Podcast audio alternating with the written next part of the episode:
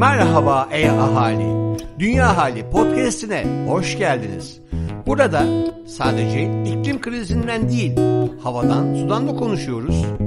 Yuvamız, dünyamızdan bahsediyoruz. O zaman e hadi başlıyoruz.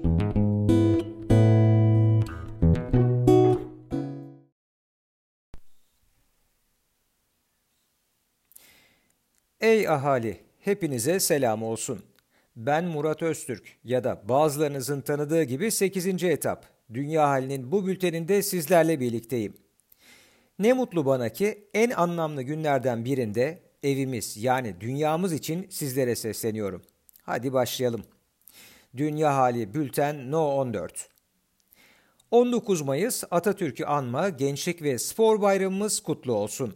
Mustafa Kemal Atatürk'ün gençliğe duyduğu güven ve iftiharı yuvamızı korumak için çıktığımız yolculukta her daim aklımızda bulundurmayı diliyoruz.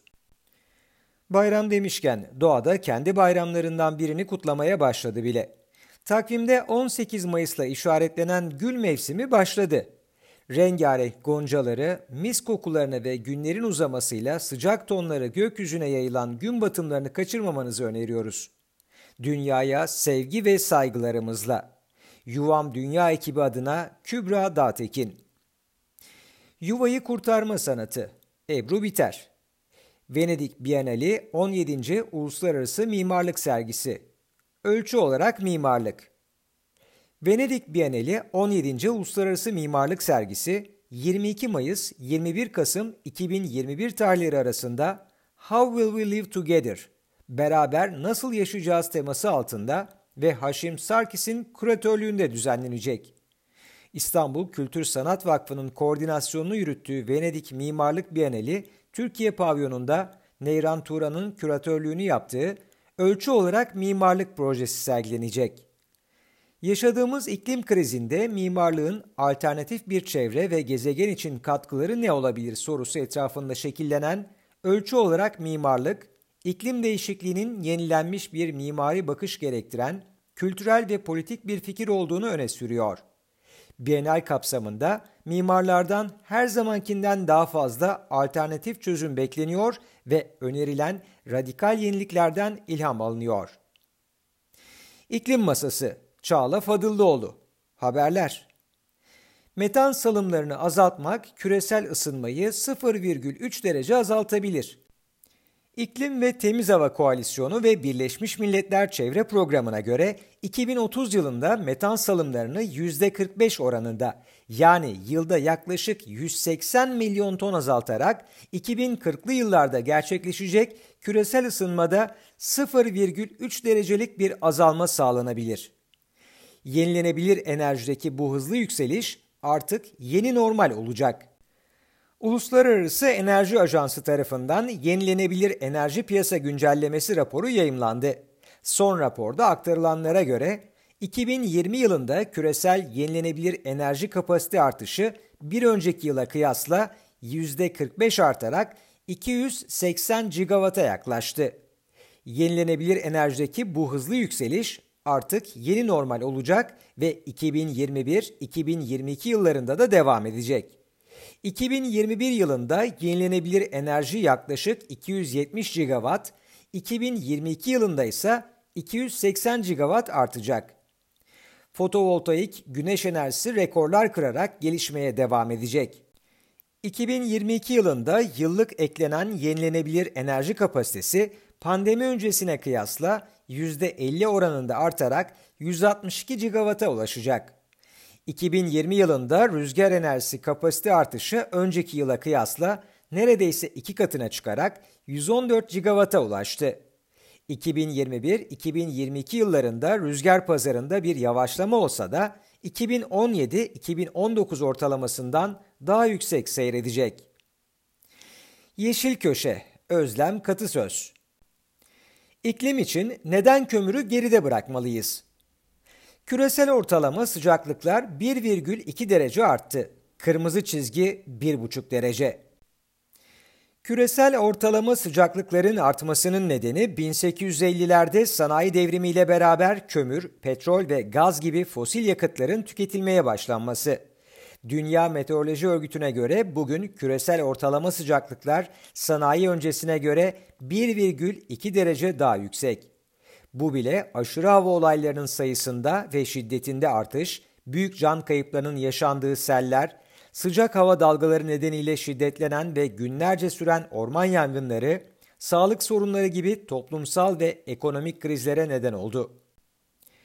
Hedef 1,5 derecede durmak, çözüm fosilden çıkış. Sıcaklık artışını 1,5 dereceyle sınırlandırmak için karbon emisyonlarını en aza indirmek gerekiyor. Emisyon kaynaklarına baktığımızda kömür, karbon yoğunluğu en fazla olan fosil kaynak. Kömürden çıkışsa emisyon azaltılması için en kolay seçenek olarak gözüküyor. Kimler kömürü terk ediyor? Avrupa'da 15 ülke kömürden çıkacağını açıkladı. Bunlardan 3 tanesi Belçika, Avusturya ve İsveç'te elektrik sisteminde kömürü sıfırladı. Amerika Birleşik Devletleri'nde yeni başkan Biden'ın iklim politikasını iyileştirmek adına attığı en önemli adımlardan biri 2035'e kadar elektrik sektörünü karbondan arındırma kararı oldu. Dünyadaki kömürlü termik santral kapasitesinin yarısına sahip olan Çin bile 22 Nisan'daki iklim zirvesinde kömür kullanımını 2025 itibariyle kontrol altına alacağını açıkladı. Peki ya Türkiye? Ülkemizde 100 megawatt üstünde toplam 20,4 gigawatt kapasitede 28 kömürlü termik santral işletmede ve kömür elektrik üretiminin %35'ini oluşturuyor. İzin ve veya plan aşamasında ise toplam 16 gigawatt güçte kömürlü termik santral projesi var. Henüz elektrik sistemini kömürden arındırmaya yönelik bir politika bulunmuyor. İhtiyacımız olan kömürden çıkış için bir tarih belirlemek ve dünyadaki yeşil toparlanma rüzgarıyla yelkenimizi doldurmak. Köşe bucak dünya Profesör Doktor Levent Kurnaz. Rio Dünya Zirvesi 1992. Rio konferansıyla ilk defa bütün ülkeler bir araya geldiler ve sürdürülebilir kalkınmanın esaslarını belirlediler. 1980'ler ve 1990'ların başında çevre ve sürdürülebilirlik alanında yapılan çalışmalar 1992 yılında Rio de Janeiro'da yapılan Dünya Zirvesi'nin temelini oluşturdu. Rio'daki Dünya Zirvesi'nde sürdürülebilirlik açısından geleceğe yönelik çok önemli kararlar alındı. Öncelikle tüm dünya devletleri buraya en üst düzeyde katılım sağladılar. Rio'da alınan kararları da bütün dünya devletleri onadı ve imzaladı. Bu gerek sürdürülebilirlik, gerekse de bu zirvede alınan diğer tüm kararlar açısından çok önemlidir. O noktada iklim, çevre ve sürdürülebilirlik konuları doğal olarak önemli kabul edilerek tüm taraflar tarafından kabul edilmişti. Ancak geçen zaman içerisinde bu kararların taşıdığı fiyat etiketi daha iyi anlaşılmaya başlanınca özellikle batılı ülkelerde ciddi bir değişim yaşandı. Rio toplantısında 3 ana prensip kabul edildi. Bunlar çevre ve gelişme için Rio Deklarasyonu ve orman prensipleridir. Ayrıca bu toplantıda bugün çevre konularının temelini oluşturan 3 uluslararası anlaşma da imzaya açıldı. Çevre ve gelişme için Rio Deklarasyonu gelecekteki sürdürülebilir kalkınma için uygulanması gereken 27 prensibi ortaya koyar. Bu yapı gelecekte oluşturulan sürdürülebilirlik planlarının da temelini oluşturmuştur. Orman prensipleri ormanların korunması ve sürdürülebilir ormancılık temellerini kabul eden bir anlaşmadır. Ajanda 21, Birleşmiş Milletler'in sürdürülebilirlik bağlamında 21. yüzyıl için hazırladığı yol haritasını içerir. Bu sözleşme çerçevesinde yapılan anlaşmaların ilki Kyoto Protokolüdür. Bu protokol 2008-2012 yılları arasında gelişmiş ülkeler için bağlayıcı sera gazı salım hedefleri koyar. Ancak bu protokol Çin ve Hindistan gibi o noktada salımları yüksek olmayan gelişmekte olan ülkeleri fazla etkilemediği için özellikle batılı ülkelerin büyük bir tepkisiyle karşılaştı ve iklim değişikliğinin durdurulması açısından çok fazla faydası olmadı.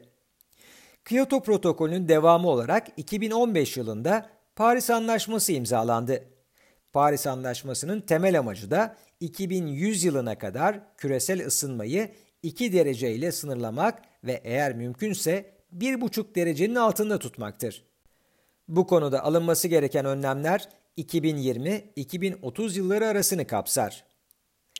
Rio Konferansı çevre ve sürdürülebilirlik açısından çok faydalı oldu.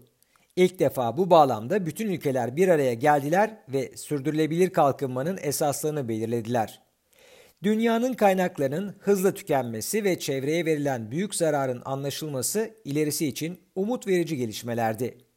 Ayrıca sürdürülebilirliğin sadece doğal kaynakların ne kadar uzun süre yeteceğinden öte bir anlamı olduğunun anlaşılması da bu alana ilk defa bugün anladığımız yönü vermeye başladı. Yuvam Dünyalılar ne yapıyor? Özgül Öztürk. Öneriler. Okuyoruz. İyilerin yanında.